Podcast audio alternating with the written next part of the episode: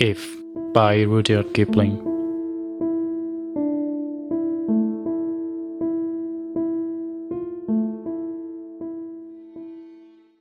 If you can keep your head when all about you are losing theirs and blaming it on you.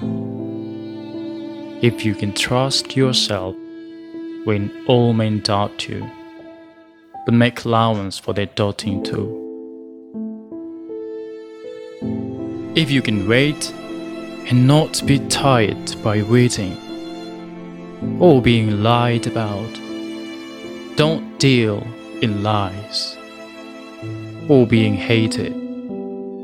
Don't give way to hating, and yet don't look too good, nor talk too wise.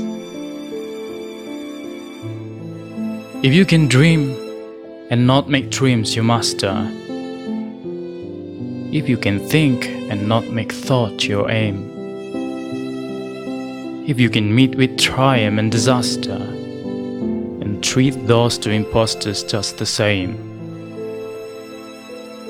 if you can bear to hear the truth you've spoken, twisted by knaves to make a trap for fools. Or what's the thing you give your life to? Broken, and stoop and build them up with worn out tools.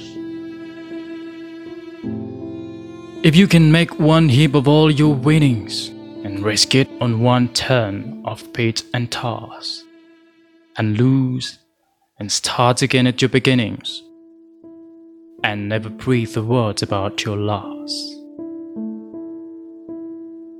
If you can force your heart and nerve and sinew to serve your turn long after they are gone, and so hold on when there is nothing in you except the will which says to them, Hold on.